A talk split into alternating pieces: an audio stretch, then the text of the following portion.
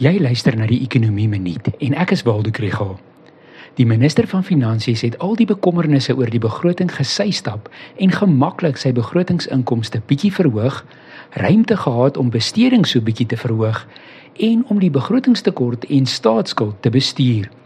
Dinge sou anders gelyk het as hy nie die 150 miljard rand van die wins op die goud en buitelandse valuta reserve gehad het nie.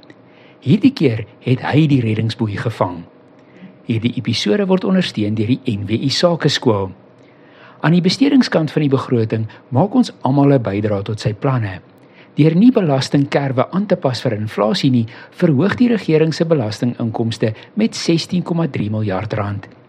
Dit gaan huishoudings wat reeds swaar trek onder hoë rentekoerse se begrotings nog so bietjie sny.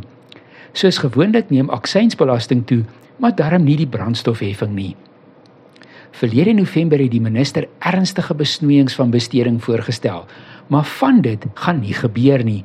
Daar is geld teruggesit spesifiek vir die salarisse van onderwysers, verpleegers, dokters en polisiemanne en vroue en dus behoort die impak van besnoeiings op dienslewering minder te wees. In die breë is daar egter steeds die plan om besteding met 80 miljard rand te sny oor die volgende 3 jaar. Die staat se loonrekening gaan met min of meer die inflasiekoers groei. Daar is ook begroot vir die R350 toelaag vir die volgende 3 jaar en baie klein verhogings in die ander toelaae. Daar was geen nuus oor verdere reddingsboeie vir die openbare ondernemings nie. 1,4 miljard rand is vir die NGV begroot oor 3 jaar om die gesondheidstelsel te versterk. Alles saam is daar dus nie verligting vir huishoudings nie.